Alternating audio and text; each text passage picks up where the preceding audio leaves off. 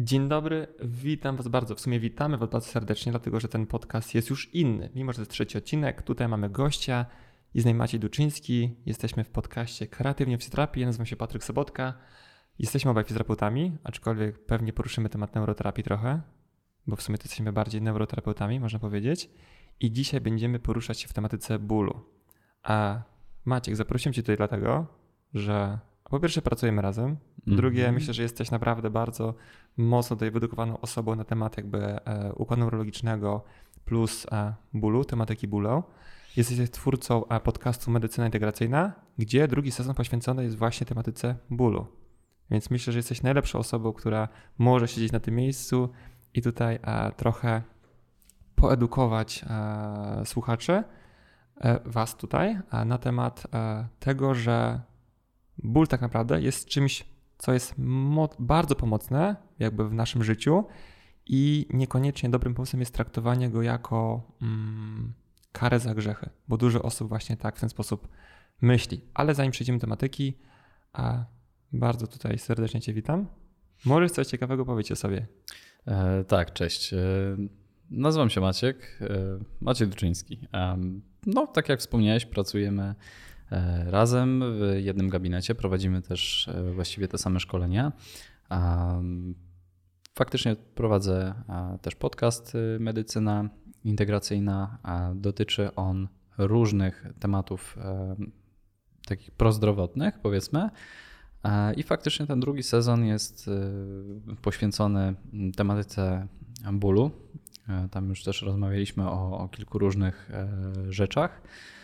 Także dzięki za zaproszenie. No i będziemy, będziemy dalej o tym e, jakże ważnym aspekcie naszego życia e, sobie dzisiaj rozmawiać. Ja wiedziałem, że będzie takie kółko wzajemnej adoracji, że jak e, ty nagrywałeś pierwszy odcinek z kimkolwiek gościem, to byłem ja, tutaj u mnie jesteś ty, Mhm. plus razem nagrywamy coś, więc będzie, No będzie tak. fajnie. Dobra, słuchaj, pokrótce, e, bo ja na przykład jakby ból, bo zacznijmy sobie od tego. Jesteśmy terapeutami i większość pacjentów, którzy przychodzą do nas, mówią boli mnie tutaj, chciałbym coś z tym zrobić. I Mhm. jak zaczyna się twoja, nazwijmy powiedzmy, edukacja pacjenta od tego miejsca? Co mówisz pacjentom? Okej, em, no dobra. Wiesz co, jeśli chodzi o edukację, bo faktycznie ostatnio y, zauważyłem, że chyba poświęcam nawet nie wiem czy więcej czasu, ale więcej uwagi na edukowanie pacjentów, nawet niż na to, co jakby fizycznie y, robimy tutaj na, na stole do terapii, czy, czy w ogóle jakichkolwiek innych takich działań. Myślę, że jakby zwracam uwagę na to, że ból jest tak naprawdę tylko jakąś wskazówką, tylko jakimś objawem, dlatego że on jest nam faktycznie biologicznie e, bardzo potrzebny. E, Nasz w ogóle rozwój jako ludzkości e, można nawet e, jakby tak tutaj zwrócić na to uwagę, że bez bólu byśmy w ogóle nie przetrwali. Nie byłoby nawet możliwości, żebyśmy mogli się dzisiaj spotkać, e, w ogóle o, czymkolwiek porozmawiać, e, żeby ludzkość przez te tysiące lat mogła e, dojść do tego momentu, no to musiało to się wiązać Wiesz, z bólem. wielu pacjentów, Mhm. pewnie, którzy myślą, że Boże, jakby moje życie było bez, bez bólu, jakbym kompletnie nie to byłoby dużo lepiej. E, No na pewno by to nie było dużo lepiej, bo prawdopodobnie też by nie, nie żyli. Nie albo, albo bardzo mocno by im to e, jakby utrudniło e, sytuację. I faktycznie są osoby, które z jakichś powodów bólu w ogóle nie odczuwają. Mhm. Niestety jakby zapytane o to, czy są z tego powodu szczęśliwsze, raczej wskazują na to, że zupełnie nie. Więc jak mówiłem, biologicznie ból jest nam potrzebny, bo chociażby taki prosty przykład, gdybyśmy oparli się o coś bardzo gorącego, włożyli rękę do pieca albo um, nie wiesz, to jest problem no, główny, cokolwiek takiego y, innego by się wydarzyło. Z dziećmi, no nie? Mhm. Jakby jesteś dorosły, to teoretycznie wiesz, że nawet jak nie czujesz tego bólu, no to, że ogień to jest coś złego, nie wkładamy ręki, my tego, że nie czujesz, bo uszkodzisz sobie tkankę, ale dziecko... Tak, ale my musimy też do tego momentu przede wszystkim dożyć, więc ból jest zawsze czymś takim, co nas e, zaczyna stymulować do tego, żebyśmy zaczęli zwracać uwagę na to, co się dzieje e, z naszym organizmem. Dlatego, że no ból tak naprawdę tylko i wyłącznie do tego służy. To nie jest do tego, tak jak wspomniałeś, żeby nas za coś ukarać, Mhm. tylko to jest po to, żebym mógł e, pomyśleć sobie, o kurczę, coś tutaj się dzieje, to mnie boli w trakcie, kiedy wykonuję na przykład jakiś ruch. Czasami boli mnie nawet jeśli się nie ruszam. No więc jest to tak naprawdę tylko sygnał o tym, że w środku coś jest nie w porządku. Więc ja też ból traktuję w takich kategoriach, e, pracując z pacjentami. Ja wiem, że my mamy często e, cele, które mogą się na pierwszy rzut oka trochę rozmijać, dlatego że kogoś celem terapii jest pozbycie się dolegliwości bólowych, a dla mnie jest to tylko i wyłącznie informacja o tym, że coś w organizmie dzieje się nie tak, jak powinno. I staram się szukać różnych zaburzeń e, i starać się tak na nie wpłynąć przez e, czy to właśnie terapię manualną, czy przez jakieś zmiany nawyków e, pacjenta, czyli takie różne modyfikacje, które mogą doprowadzić do tego, że ten jego organizm uzyska w końcu tą homeostazę. Taką, powiedzmy, homeodynamikę, bo to teraz bardziej w ten mhm. sposób się nazywa. Więc w efekcie można powiedzieć, że skutkiem ubocznym całego procesu też jest pozbycie się dolegliwości bólowych, ale jakby dla mnie, jako dla terapeuty, nigdy nie jest to jakby takim celem nadrzędnym. Wiesz co, mówisz o bólu jako takiej wskazówce i, i ja w 100% się z tym zgadzam, natomiast jakby ta wskazówka powinna być taką często refleksją dla pacjenta, jakby dlaczego, no nie? Mm. Dlaczego te dolegliwości bólowe się pojawiły w takiej sytuacji, kiedy się ruszam, bo cię nie ruszam. Natomiast z jakichś powodów e, wiele osób tej refleksji nie ma kompletnie i jakby chcą jednak ten ból za wszelką cenę przykryć, tak? Stąd taka duża popularność e, przecież leków przeciwbólowych. Mhm. W Polsce, e, jak pokazują statystyki, to strasznie dużo osób codziennie używa różnego rodzaju leków przeciwbólowych. Tak e, co jest jakby dość mocno niepokojące, czyli za bardzo tej refleksji nie ma. Jak myślisz, jakby, gdzie, gdzie może być ten problem? Dlaczego jakby ludzie mhm. nie, nie słuchają się swojego organizmu za bardzo, tylko od razu jakby uciekają od tego. Mhm. Wiesz co, myślę, że mm, to jest trochę związane z naszą kulturą, e, jakby całego naszego społeczeństwa, no i z tym, że jesteśmy po prostu ludźmi. Mhm. My no jesteśmy tacy, że lubimy wygodę, e, nie specjalnie lubimy brać na klatę jakieś obowiązki i odpowiedzialność za cokolwiek, bo to jest po prostu znacznie wygodniejsze. Jeśli mam cały czas z tyłu głowy, że jest jakiś ważny problem do rozwiązania, no to dopada mnie to taka popularna prokrastynacja, tak? Nie chcę czegoś z tym robić, bo to się wiąże z odpowiedzialnością, z nakładem jakiejś pracy, może z, ze zmianą czegoś, czego ja tak naprawdę nie chcę. E, zmusza nas często do tego mózg, bo on nie lubi zmian, lubi rutynę. Jest przyzwyczajony do tego, że jak jadę do pracy, to jadę tą samą drogą. To jest fajne, bo można w tym czasie się niemalże wyłączyć. To się staje automatyczne. E, robię sobie śniadanie, no to jem to, co mi po prostu smakuje, i mam jakieś takie nawyki z tym związane. Zawsze, kiedy ktoś mi to zabierze, e, zmusza mnie do tego, żebym e, powiedzmy myślał, mhm. no to zaczynam wyczerpywać te takie mm, swoje pokłady energii, które mogę zużyć na cokolwiek innego. Więc wzięcie na klatę czegoś takiego jak problem bólowy no to znowu e, jest no, dla nas pewien wydatek, taki Czyli energetyczny. Takie, znaczy pokrótce, jak mówisz, jakby mm -hmm. takim wyjściem z strefy komfortu, że takie zadanie, tak. zadanie, pytania, dlaczego ja mam tak, a nie inaczej, mm -hmm. no jest e, no, dużym nakładem energetycznym. Tak, I... zwłaszcza, że tak jak jeszcze mówiłem, problem jest taki troszeczkę kulturalny. U nas y, tak się przyjęło, że no jednak chorowanie na coś jest całkiem okej. Okay to jest. Wszyscy y, chorują na Tak, na wszyscy coś. na coś chorują i w pewnym momencie e, no, staje się to głównym tematem rozmowy. Można się spotkać z rodziną i dosłownie o tym porozmawiać. I może w jakiś sposób to przejaskrawiam, ale ból czy w ogóle cierpienie często dla nas też jest całkiem wygodne. E, I to, to, jest, to jest jakby jedna rzecz. E, no bo to też jest w ogóle, jeśli mówimy o bólu, to on jest zawsze też związany z naszą psychiką. Ona też go zawsze będzie modulować. I no jest to patologiczne, ale czasami on nam może do czegoś służyć. Poza tym jest bardzo silna pokusa korzystania z jakiejkolwiek drogi na, na skróty, żeby sobie tylko w tym cierpieniu e, trochę ulżyć. No bo ból sam w sobie no jest bardzo nieprzyjemny. E, jest nawet trudny do zdefiniowania, ale jakby taka jego najprostsza ta definicja mówi o tym, że to jest po prostu pewnego rodzaju nieprzyjemne, subiektywne e, doznanie. I ono właśnie do tego służy, żeby nas zmusić do jakiegoś działania. I o ile kiedyś to było prostsze, no bo coś nas bolało i musieliśmy na, w jakiś sposób na to zareagować, e, kombinować niemalże, żeby poprawić swoją sytuację, no tak teraz ten ból nie dość, że znacznie większa ilość czynników może go wywoływać, to niestety jest też znacznie łatwiejszy dostęp chociażby do leków przeciwbólowych, które można właśnie w taki zupełnie bezrefleksyjny sposób sobie brać. Poruszyłeś w ogóle mega ciekawy problem e, takich pacjentów i wiele osób nie zdaje sobie z tego sprawy, że taki, taki coś w ogóle występuje, że są osoby, które teoretycznie, nie wiem, wybierają się do różnego rodzaju terapeutów, w tym powiedzmy nas mm. i oni tak naprawdę z jakiegoś powodu nie chcą się wyleczyć, czyli oni nie chcą się pozbyć tych bólowych, bo na przykład dzięki temu na przykład rodzina się nie opiekuje, Zgadza bo się. mają temat do rozmowy.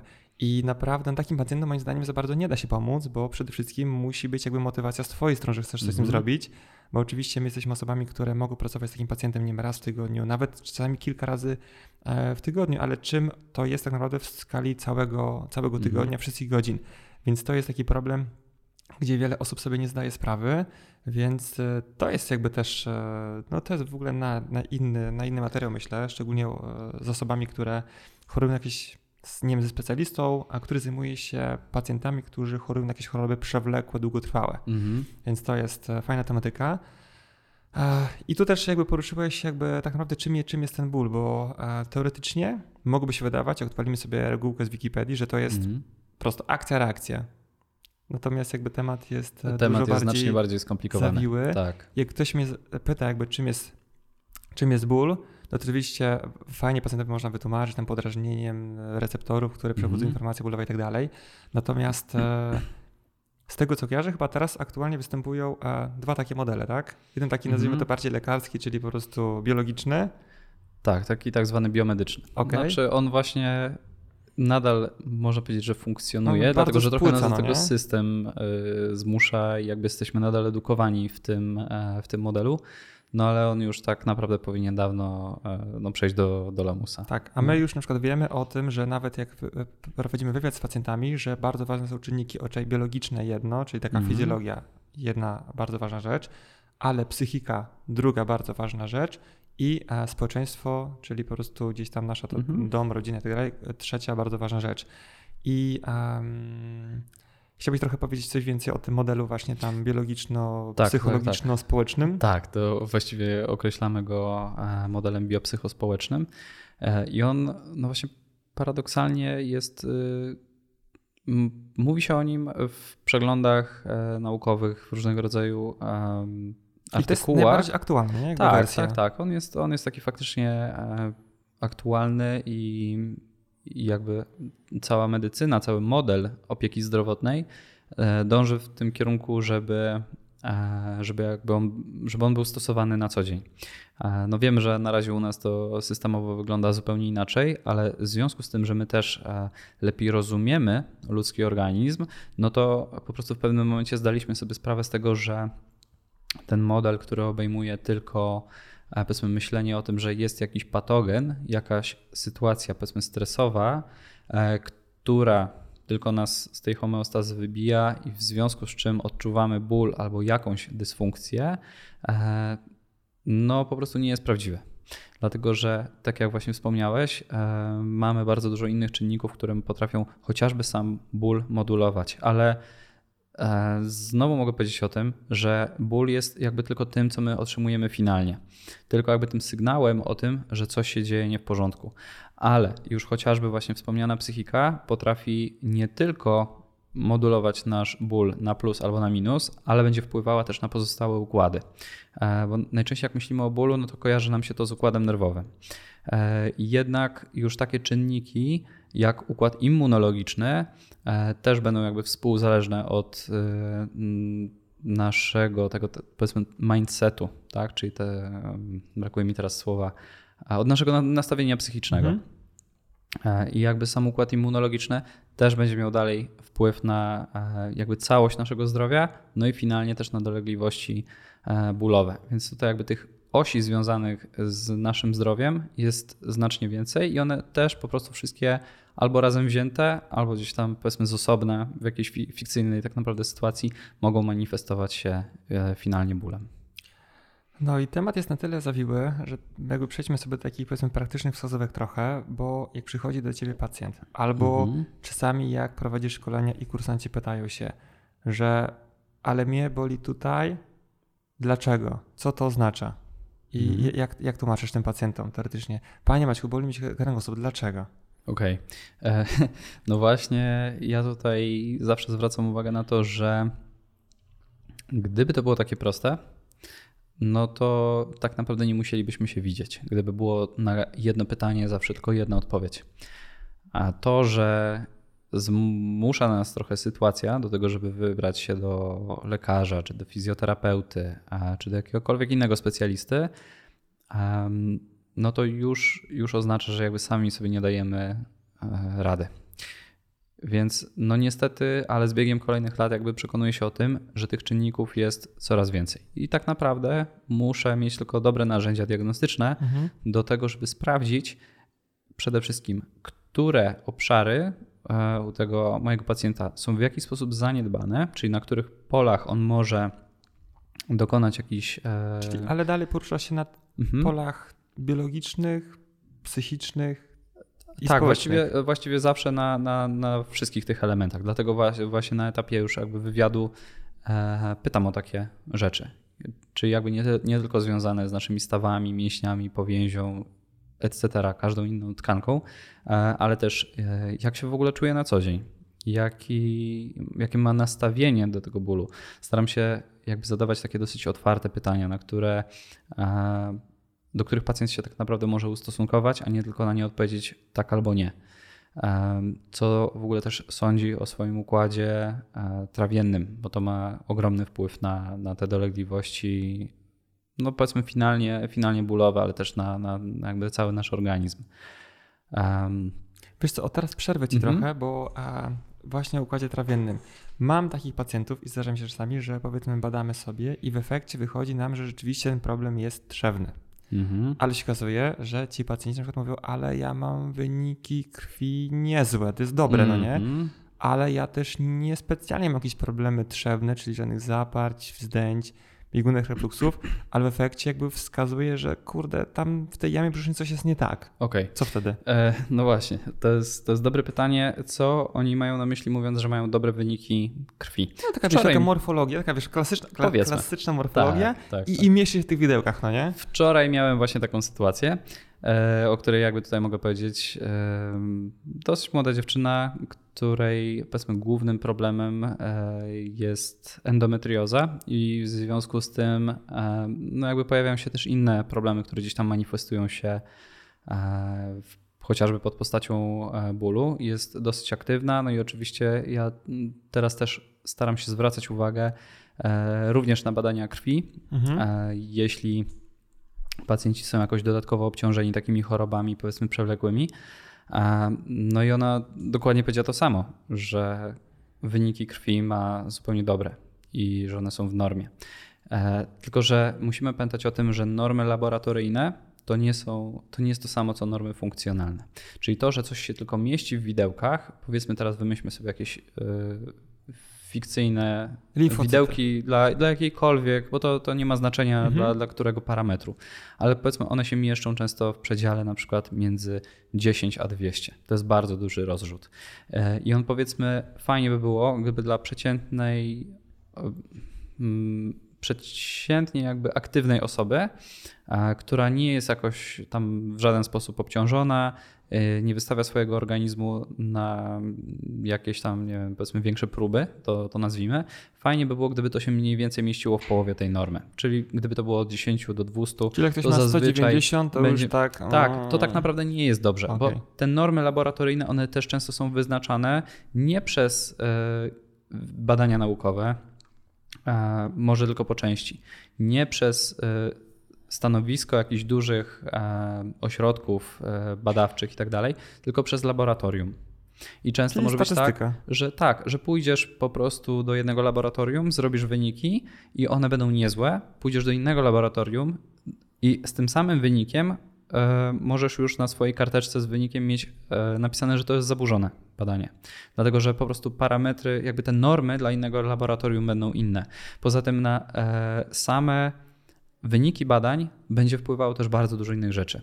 E, u pani na przykład może to być e, akurat konkretny dzień e, cyklu mhm. menstruacyjnego.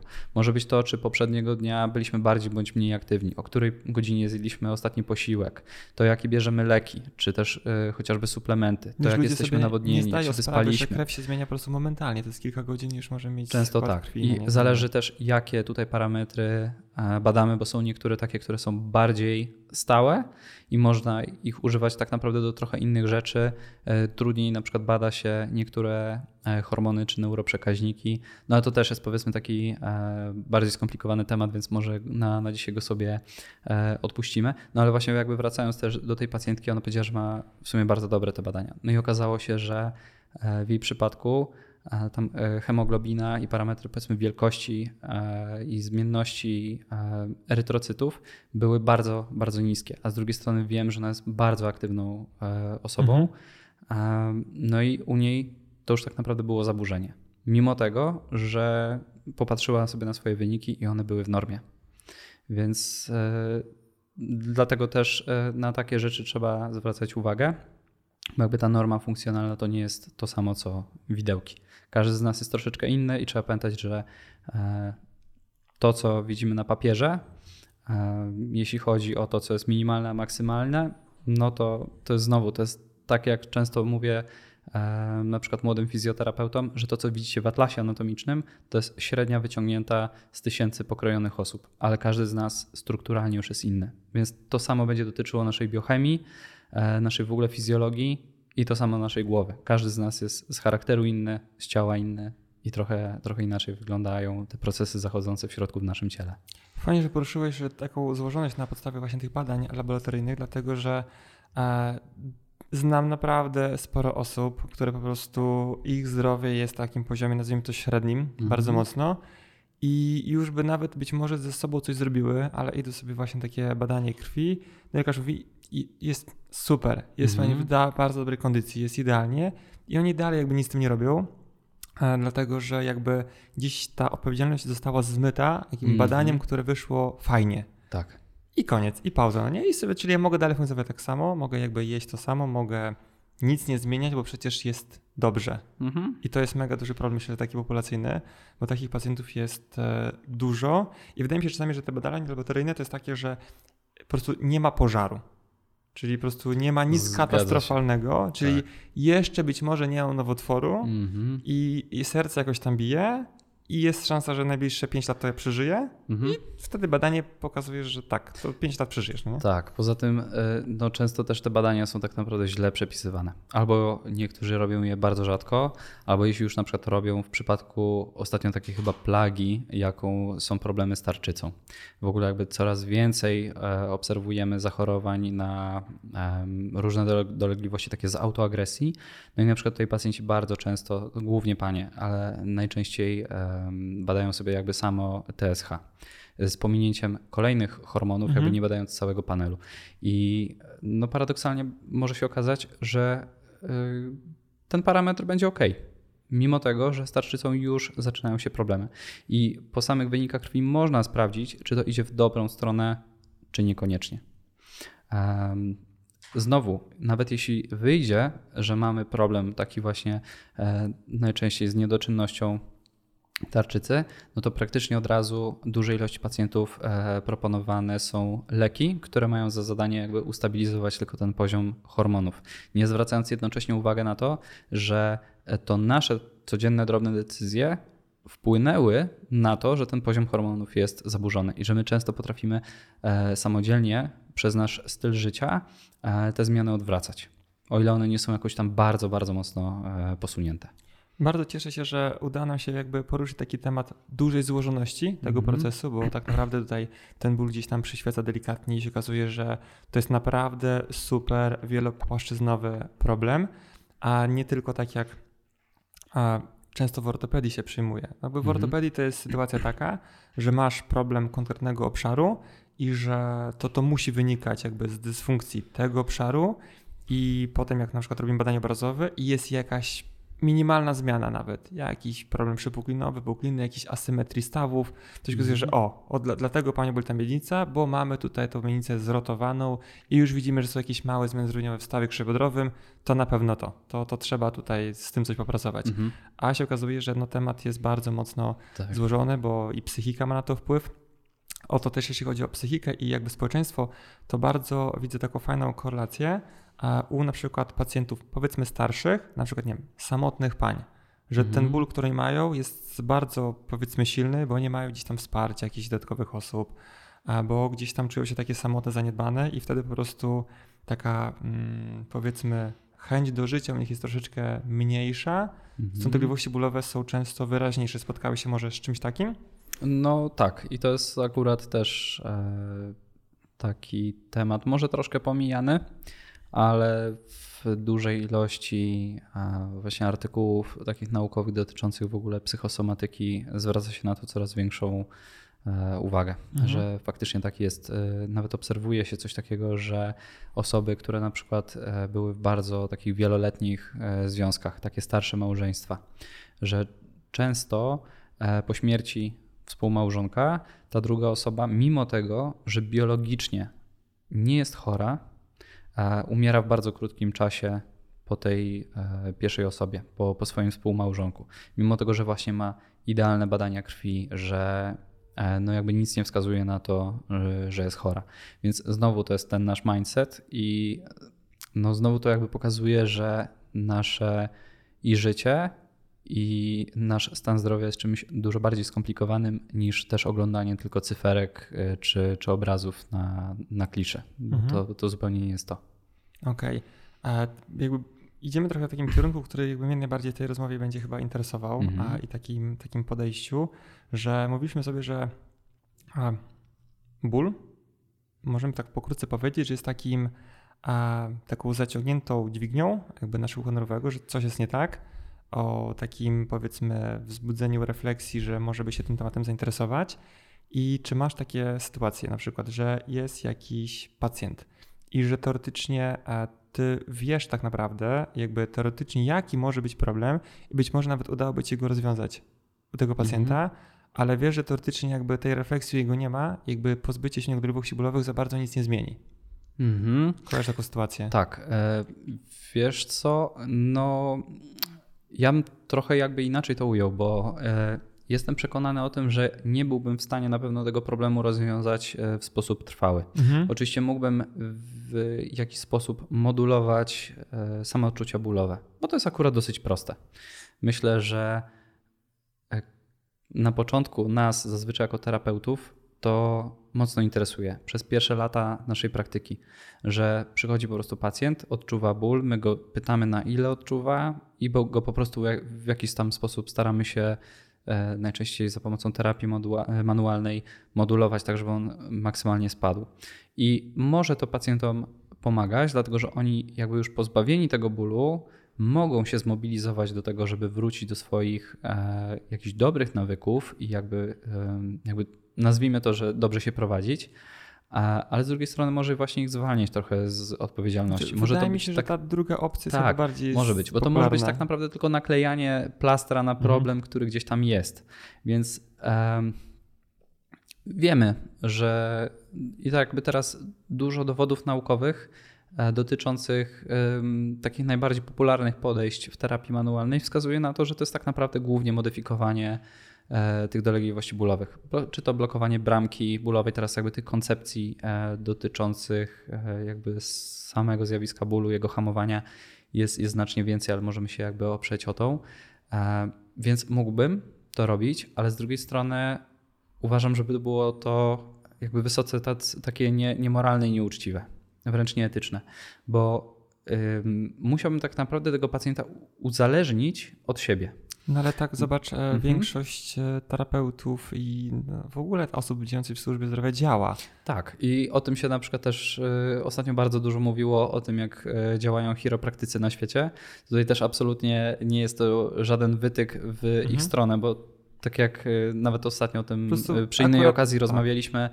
Bardzo się to fajnie u nich, u nich zmienia, ale często polegało to na tym, że e, ta taki terapeuta mówił pacjentowi, że będzie wymagał wielu, dziesięciu, set wizyt na przykład do końca życia. No W tym celu, żeby tylko modulować jego ból. Trochę tak to działa, że idziesz Mhm. do chiropratyka raz w tygodniu i Tak. do końca życia, no nie? Tak, tak, tak. I ja uważam, że to jest no, wysoce jakby niemoralne, bo e, z jednej strony pacjent zrzuca z siebie całkowicie odpowiedzialność za swoje dolegliwości i wierzy w to, że my musimy go utrzymywać. Więc my tak naprawdę bierzemy no, pieniądze za usługę, a gdzieś z tyłu głowy wiemy, że tak naprawdę to nie rozwiązuje jego problemu.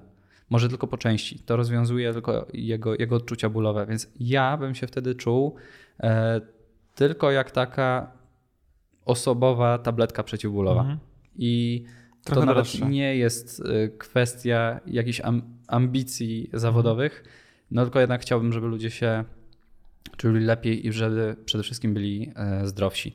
Więc edukując ludzi, zwracam uwagę na to, że oni muszą wziąć odpowiedzialność za swoje zdrowie, tak jak każdy z nas e, no, musi to robić. Jak idziesz do pracy, no to to, że zawierasz umowę z pracodawcą, to cię jednocześnie zawsze wiąże z jakąkolwiek odpowiedzialnością. Mhm. I tak samo jest w życiu. Ty podpisujesz e, sam umowę ze wszechświatem, że będziesz się sobą e, po prostu zajmował. Jak zaczynasz tą umowę zawalać, no to można powiedzieć, że to jest pewnego rodzaju kara, ale tylko taka, gdzie ty karzesz samego siebie. Więc no nie możemy tego e, lekceważyć. I dlatego nie lubię takich porównań. E, Nawet unikam tego słowa, że, tego słowa, że my coś naprawiamy, bo to może tak jakby sugerować, przynajmniej mi się tak wydaje, to może tylko takie moje odczucia, e, że ktoś może nas tak trochę potraktować jak e, takiego mechanika. Mhm. Jeżdżę właśnie sobie na zaciągniętym ręcznym, nie dbam zupełnie o samochód i on się zaczyna sypać. No i ja po, powiedzmy, że no, jadę do mechanika i on mówi, no pan, tam trudno, wymieniamy to, wymieniamy to i i jedź dalej, nie? Więc no, Ale nas w to może wiesz, trochę walić po kieszeni. Mhm. E, dalej kiepsko eksploatujesz, to ten efekt jest e, Tak, krótki. No i to oczywiście, trochę w sumie z twoim ciałem tak jest, no nie? Bo może coś naprawić i teoretycznie masz takiego pacjenta, który Mhm. załóżmy wie, że a jego trening jest mega kiepski, że jest w ogóle Mhm. niegotowy na to i on w ogóle Na ma przykład. problemy ze staniem, ostatnio było w po postawie o tym mówiłem, Mhm. ma problemy ze staniem, a gdzieś tam przerzuca ciężar ciała, a on chce brać udział w maratonach i teoretycznie wiesz, że jakby to jest kompletnie nie tędy droga, że potrzebuje on gdzieś tam pracy na wzorcach, na Takiej bardziej pracy u podstaw. No, Mhm. praca podstaw kompletnie. Wiesz, że u niego system żywieniowy w ogóle siada. Mhm. Wiesz, że po prostu ma emocje w głowie niepoukładane. Tak. I teoretycznie, przychodzi i mówi, że no jak biega, no to, no to, to ma problem z tym kolanem. Więc de facto mógłbyś u niego te kolano teoretycznie naprawić, bo znajdziesz jakiś tam problem, że Mhm. te struktury nie działają, te, przyczyna jest w kręgosłupie, robisz sobie z kręgosłupem, pacjent staje, nie boli go. Ale jak on nic nie zmieni, to dalej będzie ta sama sytuacja. Więc Mhm. pytanie jest takie, że jeżeli ty wiesz na przykład, że pacjent ma ewidentnie braki u podstaw, to czy w ogóle zaczynać u niego cokolwiek robić z tym kolanem, załóżmy tego maratończyka, czy powiedzieć hej, ja tego nie zrobię, bo to jest po prostu problem krótkotrwały, a teoretycznie Mhm. bez sensu byłoby, że żeby ten efekt naszej terapii po prostu minął po, po tygodniu, bo to szkoda i mojego czasu i twojego, w ogóle twoich pieniędzy, tylko e, zacznijmy sobie u podstaw. W takim razie zobaczmy sobie, jakie masz wzorce ruchowe, sprawdźmy sobie, czy masz jakieś problemy żywieniowe, zobaczmy sobie, e, jak u ciebie tak naprawdę cały tydzień wygląda. Wyeliminujmy te rzeczy, które są złe i powoli będziemy w trakcie tego wrzucać e, ewentualnie jakąś terapię nakierowaną na te kolano, załóżmy sobie. K- Tak, Którą opcję byś y- wolał jakby? No właśnie, właśnie bardziej podoba mi się ta, ta druga, e, o której mówisz, czyli raczej takie, mm, raczej edukacja e, i zwracanie uwagi na to, że, e, że dużo rzeczy jest jakby nie w porządku. I kiedyś mi się wydawało, że może ludziom się to nie będzie podobało, że pomyślą, że może znajdą sobie po prostu terapeutę, który no po prostu rozwiąże tylko ich problem bólowy i tyle. Czasami może takie osoby się zdarzają, może po prostu nie mówią o tym, o tym wprost, że im się to nie podoba. Ja myślę, że pacjenci Mhm. raczej nie mówią, bo są mili, tak Może naprawdę dla ciebie, bo jednocześnie starasz się im Mhm. pomóc, więc mają do ciebie takie a powiedzmy lepsze podejście i Mhm. nie chcą ci nic miłego nawet nie powiedzieć, bo nawet jak masz pacjenta, a ma, to nie wiem, obserwujemy sobie opinię. Rzadko kiedy zdarza się zła opinia. No tak. Pacjenci, którzy są niezadowoleni, teraz się nie wystawiają. A ci zadowoleni to wystawiają, bo jest fajnie. tak. A więc myślę, że prędzej będzie tak, że pacjent do ciebie po prostu nie przyjdzie na drugą Mhm. wizytę. Myślę, że często zdarza się taka sytuacja, że pacjenci stwierdzają, że to, to nie jest dla mnie. To, to nie może być Mhm. problem tego, że ja jak ja mam problem ze staniem? Przecież ja w ogóle biegam w maratonach, mam bardzo Tak. dobry czas ostatnio. Albo jak to moje żywienie jest kiepskie, przecież ja jem dobrze. Tak, tak, tak. Y, Dlatego staram się w trakcie terapii cały czas y, z pacjentami rozmawiać y, na takie tematy i o ile jeszcze gdzieś tam leży to e, w zakresie powiedzmy tam mojej wiedzy, no to, to staram się jakby im wyłuszczyć, nad czym dokładnie mogliby popracować, żeby czuć się finalnie lepiej. Więc na pewno, no tak jak mówisz, są osoby, które szukają drogi na skróty, no i to są pewnie ci pacjenci, którzy przychodzą raz i, i później po prostu szukają kogoś innego. E, No, ja staram, przynajmniej tak sobie to tłumaczę, że może ta osoba po prostu nie jest tak naprawdę gotowa na to, żeby e, przejść przez taki jakby cały proces e, zdrowienia. A zdarzyło ci się e, tutaj, jak już idąc tym tematem, mieć taką sytuację, że powiedzieć pacjentowi, w czym jest przyczyna, że jest to problem pracu, pracy u podstaw i on tak naprawdę na początku stwierdził, że nie, nie, nie, niemożliwe i nie, nie zapisał się na drugą wizytę, Mhm. po czym na przykład minął jakiś konkretny okres czasu i on do ciebie wraca, mówi, wie pan co, to może byśmy zobaczyli, bo, Mhm. bo jakby, nie dojrza... nie, znaczy nie powie pewnie, że dojrzałem do tego, tylko powie, że no może, może, może spróbujmy jednak. No tak. Była Nawet sytuacja? kilka osób mi się do tego przyznało, że Okej. faktycznie po pierwszej terapii, aha, no tutaj akurat nie będę używał dokładnie tych samych słów, bo tak No. cza- czasami jak sobie gdzieś Okej. tam wejdziemy na jakąś taką e, lepszą relację, gu- to- to- to rozwaliło, wygląda trochę inaczej. Powiedzmy, tak, tak, dalej. tak, tak. I dosłownie kilka osób ujęło Okej. to w ten sposób, że to jest po prostu niemożliwe, żebyśmy Mhm. robili terapię w ten sposób. I że ktoś mi zgłasza, że ma problem z barkiem, a ja zajmuję się w ogóle jego kolanem, e, jego kilkakrotnie gdzieś tam rozbitym nosem, czy jakimś w ogóle tatuażem na kostce po drugiej stronie. No ale przychodzi na następną wizytę na przykład za dwa tygodnie i mówi, że jak wychodził, to był pewien, że to była pomyłka. Najgorzej ale- wydane pieniądze w jego życiu. Tak, tak, tak.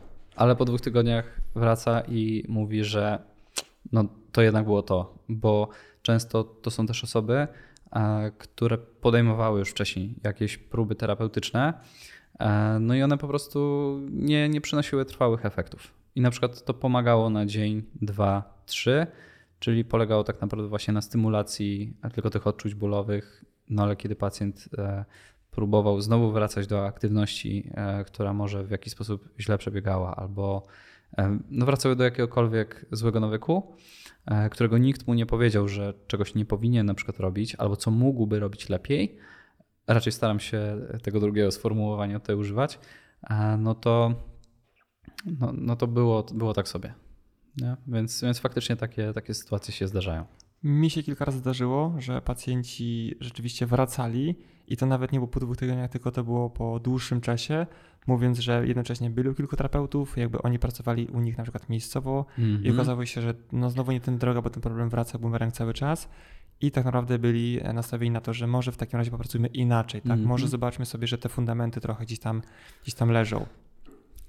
Bardzo cieszę się, że tak naprawdę udało nam się ten temat poruszyć mocno szeroko, a bardzo szeroko i jest to, że, że pokazaliśmy, że ten, ten ból, że jakby ta tematyka tego bólu pracy z pacjentami bólowymi to jest coś, e, no to nie jest jakby takie zero-jedynkowe. To jest Mhm. jakby s- złożony system, więc e, mam nadzieję, że trochę otworzyliśmy głowy młodym terapeutom i pacjentom pokazaliśmy, że też jakby spojrzenie na ból jest czymś więcej niż tylko samą biologią. Więc cieszę się, że tutaj jakby e, po, powiedziałeś nam o kilku fajnych aspektach tego bólu.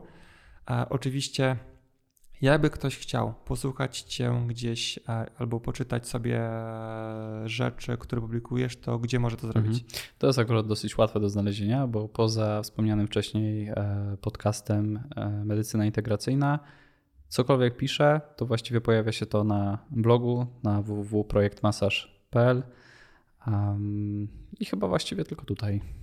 Maciu, dziękuję Ci bardzo za rozmowę i mam nadzieję, że jeszcze pogadamy sobie nieraz o różnych fajnych rzeczach, bo już tutaj nawet e, wykluło się kilka ciekawych tematów do poruszenia w przyszłości.